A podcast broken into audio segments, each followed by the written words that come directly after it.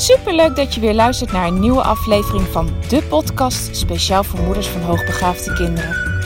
Mijn naam is Eveline Noordzij en in deze podcast deel ik tips en inspiratie, zodat jij meer en meer in jezelf gaat geloven en durft te vertrouwen op je intuïtie. Want jij bent precies de moeder die jouw kind nodig heeft. Hoe ga je om met uitdagende situaties? Wat heeft jouw kind van jou nodig? En hoe zorg je voor verandering in je gezinssituatie door jouw eigen persoonlijke groei? Ik heb er veel zin in om dit allemaal met jou te delen. Dus laten we voor vandaag maar gaan beginnen.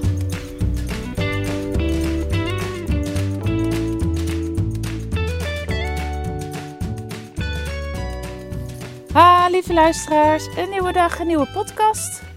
Ik zit momenteel in de auto, het enige rustige plekje bij ons in huis als ik uh, besluit om weer een podcast op te nemen.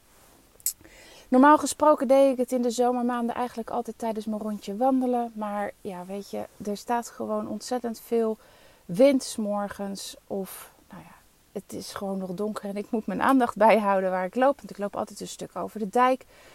Dus ik besloten om het op een ander moment van de dag te doen. En dan maar eventjes rustig in de auto. Of als ik aan het werk ben, kan het ook natuurlijk heel makkelijk op de praktijk. Waar ik het vandaag met je over wil hebben, is de opmerking die ik van de week van een ouder kreeg over haar dochter. En zij gaf mij aan: Weet je, Eveline, ik vind het gewoon lastig om in te schatten of de uitdaging die ze nu krijgt, ze zit momenteel in de kleuterklas, of die nu eigenlijk wel voldoende is. En daarbij gaf ze eigenlijk direct zelf ook aan, want we merken thuis frustratie, boze buien, ze is heel emotioneel. Dit ja, zien we met name als ze terugkomt van school. En daarom twijfelen, want wij zien eigenlijk wel dat de school het een en ander wil doen. Ze zijn er wel mee bezig, de juf krijgt er steeds meer oog voor. Maar toch zien we dit gedrag nog steeds thuis. Nou, en voordat ik uh, hier antwoord op de vraag ga geven, wil ik het eerst even met je hebben over die boosheid en die woede. Hè? Dat, dat geïrriteerd zijn, het korte lontje.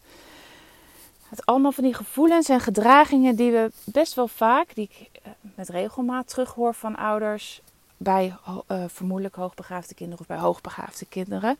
ouders waarvan die weten dat hun kind hoogbegaafd is, maar die dan toch nog steeds, ondanks die kennis die ze hebben en ook de kennis over het kind die bij school ligt, toch nog zien dat dit soort gedragingen heel erg veel voorkomen. Nou, voor mij zijn dit echt allemaal uitingen van stress. En ik ga het je uitleggen hoe het kan zijn dat dit een uiting van stress is. Stress is eigenlijk een hele primaire reactie en is altijd de manier geweest om te zorgen dat je kan overleven. Alles wat wij, nou, met name in het verleden, toen wij hè, nog de jagers waren, de verzamelaars, moesten wij heel erg alert zijn op alle gevaren van buitenaf. En op het moment dat we dat soort dingen oppikten, dan moesten we direct in de ja, vlucht of de vechtmodus staan om te kunnen overleven. Dat systeem hebben wij nog steeds. Dat bezitten wij nog steeds. Uh, het is echt het, de manier om ons dus te beschermen tegen gevaar. En dat systeem, dat werkt nog steeds en komt in, ja, wordt geactiveerd op het moment dat wij het gevoel hebben dat wij in gevaar zijn. En waar we vroeger dat heel erg hadden, hè, als we een, nou ja, een, een dier tegenkwamen of, een, of andere stammen die een gevaar voor ons konden zijn, hebben we dat nu al op ja, op een hele andere schaal. Uh, er zijn een heleboel vormen van stress die wij heden ten dagen ervaren. En die eigenlijk zorgen voor dezelfde reactie als dat wij daadwerkelijk in gevaar zijn. Ik kan het heel complex maken en dat ga ik in deze podcast niet doen.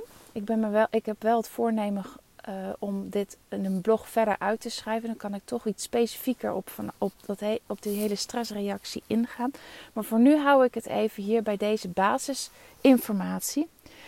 Um, en als dat systeem geactiveerd wordt, dan worden er allemaal, allerlei stoffen in ons lichaam aangemaakt die zorgen dat we dus kunnen gaan reageren.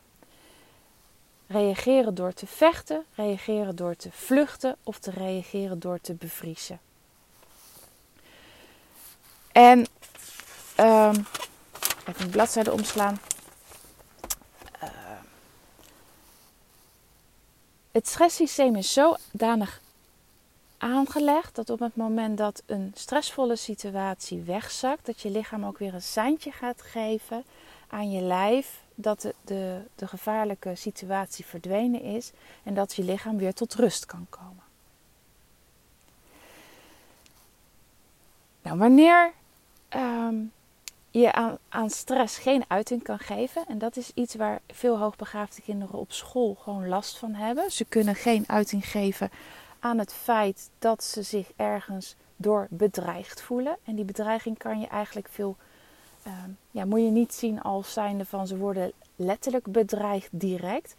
Maar het heeft wel met overleven te maken. Op het moment dat jij niet genoeg aangezwengeld wordt, niet genoeg uitdaging krijgt, niet genoeg uh, input krijgt van hetgeen wat jij nodig hebt om je volledig te ontwikkelen, krijg je dus niet wat je nodig hebt. En ja, kan je dat zien eigenlijk als een bedreiging in het overleven. En wanneer het lichaam. Ehm, ja, deze stress stapelt zich dus gedurende de hele dag op. En ik, ze kunnen daar vaak geen uiting aan geven. Je ziet kinderen, eigenlijk bijna geen kind, direct op school dusdanig de confrontatie met de leerkracht opzoeken uh, en kunnen aangeven wat het nodig heeft en dat hetgene wat ze niet krijgen, dat dat, voor, dat, dat, dat eigenlijk stress veroorzaakt. Want dat zou de meest ideale situatie natuurlijk zijn. Want op het moment dat je stress ervaart en je doet er gelijk iets aan, kan je stress ook weer zakken. Nou, wij zien dat bij kinderen, en dat mag je ook helemaal nog niet, natuurlijk niet van ze vragen, zien we dat ze dat niet kunnen. Nou, dat stresssysteem kan gewoon ook niet tot rust komen. Want op het moment dat ze de ene dag uh, zo'n schoolsituatie hebben meegemaakt, ze komen thuis. Nou, ze kunnen misschien wel wat zakken, maar zoals ik dat altijd noem, je kan niet heel dat emmertje kan niet geleegd worden. Er blijft altijd water in zitten. Dus de volgende dag komt er weer een heleboel bij in dat emmertje. En het stress, die stress blijft maar bezig en dat blijft ook maar gewoon rondgaan in het lichaam. Er wordt niet de, de um, in het systeem wordt er geen stop aangegeven van weet je, het is nu voldoende, het kan nu weer zakken.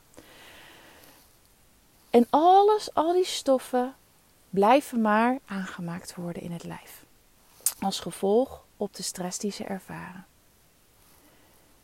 Nou, en wat veroorzaakt dat nou? Uiteindelijk het, het continu blijven vuren van dat stresssysteem zorgt voor allerlei lichamelijke klachten. Onder andere hoofdpijn, buikpijn, maar ook slapeloosheid. En als het heel lang aanhoudt, nou, leidt het uiteindelijk tot psychische klachten. Bijvoorbeeld een depressie, maar ook een burn-out. Of nou ja, wat je bij deze kinderen veel meer ziet, is het dus een bore-out. Want het ontstaat door verveling. Nou, en opdat ze toch die stress zelf proberen weg te krijgen, zal je zien dat ze met name het uiten in enorme lichamelijk, of, uh, in enorme boosheid, in hun woede of juist in terugtrekken. En dat is hun manier om de stress toch nog enigszins een uitlaat, uitlaatklep te geven.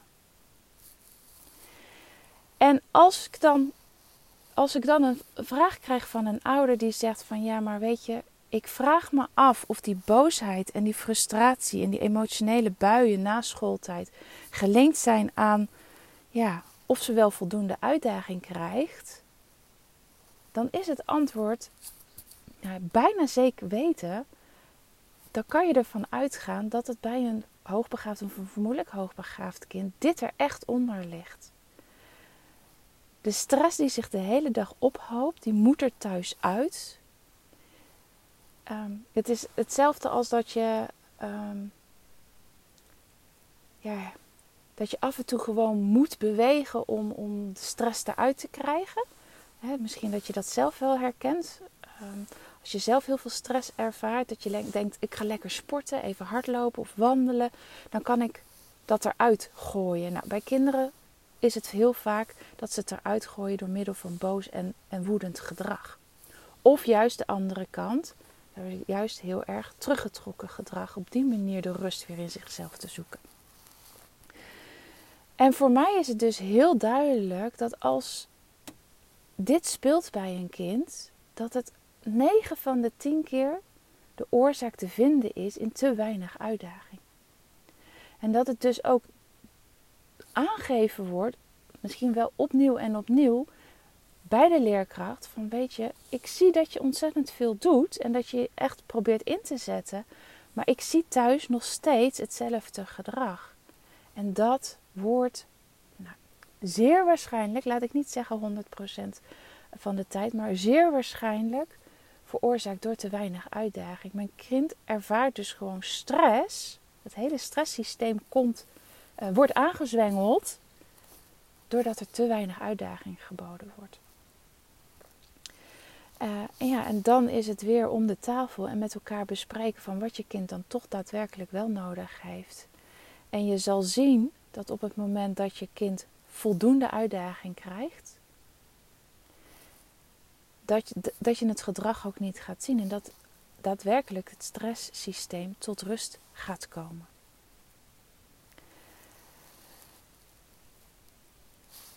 Nou, dat, dat was eigenlijk wat ik je vandaag mee wilde geven. Wat betreft mijn onderzoeken, ik heb voor de komende maand, deze maand, december, nog een mogelijkheid op 21 december. Dus loop jij hier met je kind tegenaan en denk jij al langere tijd van, weet je, het gedrag wat mijn kind vertoont. Ehm, ik vermoed dat dat heel erg komt door te weinig uitdaging, maar ik ben er niet zeker van. We hebben ons kind nooit laten onderzoeken. Maar, nou ja, ik denk dat ik heel erg geholpen ben. En met name denk ik dat mijn kind heel erg geholpen gaat zijn op het moment dat we het laten onderzoeken. En die zekerheid hebben dan weet dan dat op 21 december om s morgens om 9 uur er nog een mogelijkheid is voor een intelligentieonderzoek. En je bent heus niet alleen maar geholpen met de hoogte van de intelligentie weten. Uh, zeker met het standaardonderzoek wat ik, uh, ja, wat ik eigenlijk voornamelijk afneem, biedt gewoon ontzettend veel handvaten voor jou als ouder, maar ook voor de school om daarmee verder te gaan. Het geeft dus niet alleen maar antwoord op de vraag wat heeft het, ja, is er sprake van hoogbegaafdheid, hoogbegaafdheid, maar juist ook wat heeft mijn kind nodig? Welke stappen moeten we binnen de schoolsituatie, misschien ook wel binnen de thuissituatie nemen om te zorgen dat de frustratie, de boosheid of het extreme teruggetrokken gedrag gaat afnemen en mijn kind weer tot ontspanning kan komen. Nou, wil je me even met mij overleggen over wat ik voor je kan betekenen, kan je altijd vrijblijvend een gesprek inplannen. Wat je ook kan doen ehm, als je al zeker weet dat je een onderzoek wil laten verrichten. Plan dan dan in via mijn website. Dan kom je in mijn online agenda uit en dan kan je hem direct zelf inboeken voor woensdag 21 december om 9 uur.